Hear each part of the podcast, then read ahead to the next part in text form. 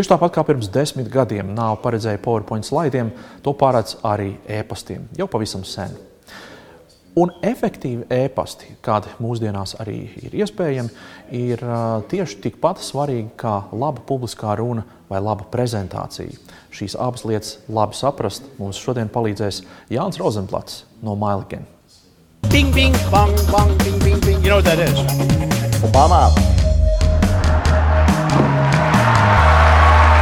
Diena pēc tas ir tandēms, Kristofers Petersons un Oskars Spriedzi. Mēs esam treneri, kurš strādā uzņēmumos un palīdz darbiniekiem atvieglot komunikāciju un sasniegt prezentācijā nosprostos mērķus. Un man ir milzīgs prieks, ka šajā dienā, šajā reizē, šajā epizodē Jānis Rozenblats, kurš ir Mailigena gan dibinātājs, gan arī vadītājs, ir ar mums. Mailigena ir uzņēmums, kas nodarbojas ar e-pasta mārketingu. 30 cilvēku kolektīvs ir ko komunicēt gan iekšēji, gan arī uz āru. Nu, klau, mēs tā pa pusi pa jokam smējāmies par to, ka PowerPointam paredzēja nāvi un par e-pasta nāvi jau sen runā. Marks Tvens arī viņam ar ko bija teikt, viņš teica, baumas par manu nāvi ir stipri vien pārspīlētas. Tad nav tas gadījums ar to e-pastu, kā tur īsti ir. Tu tomēr esi tajā biznesā iekšā. Jā. Čau visiem! Jā, uh, e-pasts uh, tā reāli radās kā komunikācijas rīks jau 30 gadus atpakaļ. Mm -hmm. Un kopš tā brīža viņš ir palicis tikai spēcīgāks. Tiešām? Jā, tā ir. Tā ir. Uh, viņš ir palicis. Viņš, viņš vienmēr ir bijis. Viņš ir ļoti personīgs un bagāts mēdījis. Jo man kabatā telefons, mums visiem kabatā telefons, un noteikti ir pieslēgts ne tikai kaut kāds messengers, kas varbūt tagad ir tas jaunais trends, bet uh, ir e-pasta paskastīta. Un kurā brīdī tu viņu var atvērt, tu viņu var palasīt, tu viņu var saglabāt, arhivēt, tu vari viņu atzīmēt kā svarīgu. Un viņš ir bagāts mēdījis. Un, jā, patiešām viņam es redzu vēl 20 gadus, kur inovēt un kur, kur attīstīties. Šobrīd jau īstenībā, ja iepriekš e-pasts bija statisks, um, nu, statistiski, e-pasta kastīte, tad tagad tu viņu vari padarīt interaktīvu. Tu vari pieņemsim, nosūtīt aicinājumu uz pasākumu, un cilvēks var apstiprināt, un tev e-pasta saturs nomainās dzīvē. Hmm. Tev nav jāiet prom uz citu lapu, tu vari pat pirkums veikt e-pasta saturā. Ir arī tas, ka Gmailam, piemēram, sūta ziņu, pielikumā sūta tev tādu un tādu tāmi, un aizmirst pievienot pielikumu, tad tev sistēma atgādina, hei, tu esi minējis pielikumu, bet pielikuma faila nav. Vai gadījumā tu neaizmirsi? Tas jau šķiet ir vairākus gadus, vai ne? Tādas Jā, uh, dzīves lietas e-pastā. Tas ir varbūt tas arī nākošais, kad ir pirmkārt uh, kontekstuāls uh, feedback. Vai tas mm. ir produkts, dod kaut kādu feedback, vai tas ir cilvēka sentiments, teksts, ko tu raksti. Ir tāds Rīgas grammarlī, kas angļu valodā palīdz tev labot saturu, un viņš nosaka sentimentu. Un tad, kad tu raksti e-pastu, viņš prasa, kādu e-pastu gribi rakstīt. Vai tu gribi rakstīt biznesa, vai gribi pārdošanas, vai e informatīvu. Viņš vienkārši nosaka to sentimentu un iesaka tev citu vārdu. Nu, tā kā jā. Tas ir mākslīgais intelekts, principā, vai ne? Tā jā, protams, valodas algoritmi. algoritmi jā. Jā. Uh, es, piemēram, zinu, ka daudz lieto e-pastu kā tā saucamo to-do listi. Nu. Pēc būtības tas nozīmē, ka man e-pasts jau ir palicis par tādu, ka es tos ātri tiek no, no, no visām liekām informācijām vaļā, un tie ir man kaut kādi darba uzdevumi. Kāds man kaut ko liek darīt, vai kādu atskaitu uzrakstīt, vai man jārespondē, un tas man ir tāds to-do lists tajā dienai. Es, pa, es varu teikt, ka man arī tā ir. Ir lietas, ko es lieku kalendārā, bet ir lietas, kas man ir apstākļi, Un tad es mēģinu, ir tāds uh, inbox zero, mm -hmm. tāds termins, jā, jā, termins jā. ka tu mēģini savu inboxu tīrīt līdz. Jā. Jā. Tā... Man ar tur trīs e-pasta ir tā dienā, un tas tiek vaļā, un man ir nulle. Un tad tev ir brīvs prāts, un tu vari, tu vari iet un darīt citas lietas. Bet ir uzņēmēji, darbinieki, uzņēmumos darbinieki, kas saka, mums iekrīt apmēram 200 e-pasta dienā. Un lielākā daļa uz mums neatiecas, bet viņi ir informatīvi. Un es domāju, ah, bet nu labi. Starp citu, par, tieši jā. tāpat ir arī par visām sapulcēm un, un tādām komunikāciju dzīvajā. Ja? Jo daudz kas uz mums ikdienā neatiecas neat, neatiecās. Ja? Tad tu uzrunā darbiniekus, sapulcē, un principā tu lielāko daļu iespējams nu, tas saucamais spams. Ja? Tu kaut ko runā, un tas attiecās uz pāris cilvēkiem, bet to visu klausās. Kā tu kaut kā ikdienā tiec ar tādām situācijām galā?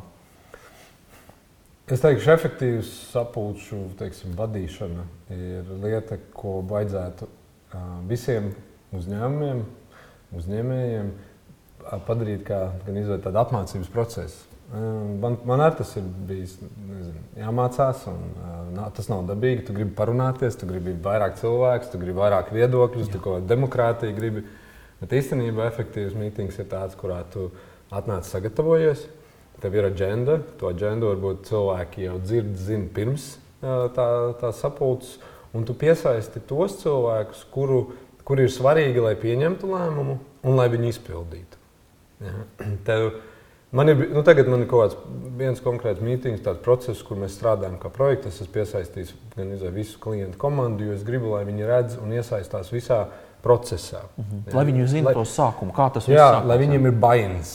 Jā, lai viņiem ir tas, ka viņi, viņi to domu nopērk. Viņiem, tas, bet tas ir viens, viens tipa mītings. Bet tad, kad mums ir kāda cita, teiksim, tāda tā kā core komanda, tur ir tā mm. 4-5 cilvēku pamatkomanda. Tad mēs nākam sagatavojušies, kur mēs jau esam izlasījuši iepriekšēju otru cilvēku piezīmes, un mēs izrunājam jautājumus, kur ir vajadzīgs inputs vai feedback kaut kāds. Nu, tā tad šī atgriezeniskā saite un pieņemt lēmumu, un tad ir diezgan skaidrs, tu dūri saraksts, tad nākošie uzdevumi nedēļas, divu nedēļu laikā. Tu saviem darbiniekiem lietas taisīt PowerPoint slaidus? Nē. Bet viņi to dara vienalga. Es esmu redzējis Meligana cilvēkus uz skatuves dažādos jā, formos, semināros. Bet nu, priekš mītingiem. Nu, pēc mītingiem, jā. jā. Tādās viens, bet publiski vai ne, tad jau parasti ir, ir kaut kāda jā, konference. Jā, jo tad, kad ir nu, tāda komunikācija uz āru, jā, ka tev vajag varbūt to ziņu iepakot skaistāk un kvalitatīvāk, tad jā. Bet mums pieņem, manuprāt, iekšēnē, kad komanda ir 30 cilvēki, mēs esam agile, mēs esam dinamiski. Mm -hmm tad gatavot prezentācijas, viņš varbūt bija šī laiku, nu, es teikšu, savā veidā izšķiest. Jo es, es informāciju uzsūcu 1, 2, 3, nevis liela bilde un liels saturs. Man īsti nav tāda pičošana. Ja, tajā. mm. Prezentācijas, manuprāt, ir tāda kā idejas pārdošana vai kaut kāda uh, ietekmes veidošana. Ietekmes veidošana. Ja man vajag informāciju, Un es to projektu jau kaut kādā ļoti labi zinu, vai to stāvokli zinu, tad īstenībā prezentācijas nav vislabākās. Bet investoriem, publikai, jaunu ideju prezentēšanai, jā, tur var to stāstu stāstīt. Ja, kad tev sākās, tad tev ir ievads, tad tev ir iztirzājums, problēma, risinājums, un tad ir nobeigums. Mm. To, to tad ir grūti tādā Word dokumentā uzrakstīt. Mm. Mēs ar Jānu esam pazīstami jau kādu krietnu laiku. Es zinu, ka viņš ir diezgan lielu daļu savas dzīves pavadījis Āzijā. Un, nu, to var saprast, tur ir silti, jā, bet jā. mums arī ir silti, paldies Dievam. Un tagad tu tomēr esi atpakaļ, un tu esi iesakņojies, cerams, jā, nekas pret ceļošanu, bet Jānis ir labs resurs, ko Latvijai vajag. Mans jautājums ir par komunikāciju. Tik daudz gadus esot prom Azijā, kur cilvēki tomēr viņu mentalitāte atšķiras, viņu komunikācijas veids atšķiras, viņu žesti pat atšķiras. Ja? Um, nu, kā tu redzi, kas ir tas, ko tu labprāt būtu paņēmis līdzi un iedevis mums šeit Latvijā dzīvojošiem no, no, no Azijas? Un, ja tu, kur tā bija zeme? Tā ir zeme, tu biji. Ja? Vai, nu, kur tu dzīvoji? Ja tur dažādi. Ātrais stāsts no 18 gados es aizbraucu prom, 31 gadā atgriezos. Nu, 13 gadi. Cienījami, krietni. 8 valsts Tā perioda laikā astoņās valstīs mm. esmu dzīvojis, un uh, sešas no tām bija Āzijas, sākot ar Taizemi, Singapūru, Hongkongu, Filipīnām. Uh, un, uh, tur tā vide ir ļoti starptautiska. Mm -hmm. Jā, tur Rīga un Latvija ir ļoti jūt latviešu valodu. Varbūt vecrīgā vairāk tādu turistu un tā, bet tā reāli mēs esam tādi latviešu komuni. Nu, ar krievu valodu, krievu tautības cilvēkiem arī. Tur uz ielas ir 25 tautības vienā rindā stāv un uh, 25 valodas. Bet tā viena lieta, ko es no varbūt siltākām zemēm, vai no Āzijas, vai no vispār visas dzīves pieredzes, ir šitai. Mēs tā runājam, mēs tā dzīvojam, mēs esam platām rokām tur un mēs uzņemam dzīvi. Atvērtība. Mēs esam atvērti. Mm -hmm. Mums ir krūtis vaļā, ja tur plaušas izplāstas un rokas vaļā. Un tad, kad mēs kad atgriezāmies atpakaļ, un tagad varbūt arī redzam, ka sēžot pieci gadi pagājuši. Jā, tad tu tā bija nu, iestāties. jā, tā tad komunikācija mums ir eh, ekspresīva šāda. Mēs esam ļoti ekspresīvi. Kaut gan nu, kamerā ja, tā ekspresija viņai ir jābūt šādai, lai sajustu to emociju. Esot klāt, šāda ekspresija mums liekas. Oh, jā ārprāts cilvēks ir uh, kaut ko sajūtis. Labākajā tā ir tā lieta, ko es vēlos nodot. Mums tagad jāatverās vairāk. Jā. Kad es atbraucu atpakaļ, tad eh, man bija enerģija bija trīs stāvus augstāk kā pārējiem. un Tad es esmu varbūt pielāgojies mm, citiem. Mm. Bet katru reizi, kad tu izbrauc ārpus valsts, tad, tad tas ir tā kā atbr- atgriezies tajā. Mm. Nu, interesanti, interesanti. Nu, kaut kas jau droši vien arī nav slikti, ka tu esi tāds mazliet. Nu, tu tā kā uh, kritiski izvērtē ienākošo Bet info, jautājums, vai tas cilvēks- nav mākslīgi uh, no, no sabiedrības, mm. no kaut kādas uh, kritikas un, un neizpaust. Tev nevajag izpausties, tev nevajag būt uh, emocionāli. neizcēlies. Neizcēlies. Jā, Tev, tev, tu pašam, tev pašam skatu patīk. Jā. Ja? Jā. Kā, tad, kā, tu, kā, kā, kā tu, kāds ir tās tavs attiecības uz skatu? Tu uzkāp uz skatuves, un kas ir tas, ko tu tur izbaudi tajā procesā, kā tu tam varbūt gatavojies? Kas ir tev kāda rituāla, kaut kādas tādas lietas, ar ko tu uh, varbūt strādā? Es strādāju ar Oskaru. un Jā, Oskars Oskars palīdz. Mācīja dažus vingrinājumus, bet uh, agrāk es uzstājos vairāk kā per performance. Es biju dejotājs un um, biju kaut, kādas, es arī kaut kādās modes šovos piedalījos. Tad tas bija vairāk, tu fiziski esi tur un mm. tu fiziski performē. Nu, tagad pēdējos gados man ir vairāk jārunā. Nu, kādus gadus, 6, 7, es runāju, es skatos, un man ir kā jānodod ziņa. Un tad ir jāatrenē balss, tad ir jābūt skaidrai tai Domai. domai un, un stāstam vai prezentācijai. Un, um, ko Oskars mācīja arī, uh, kad, ja tu pre gatavojies prezentācijai, tad saglabā tos atslēgvārdus un mēģini atcerēties tos svarīgākos, kā vienu, divu atslēgvārdu, tos, tos, tos tematus.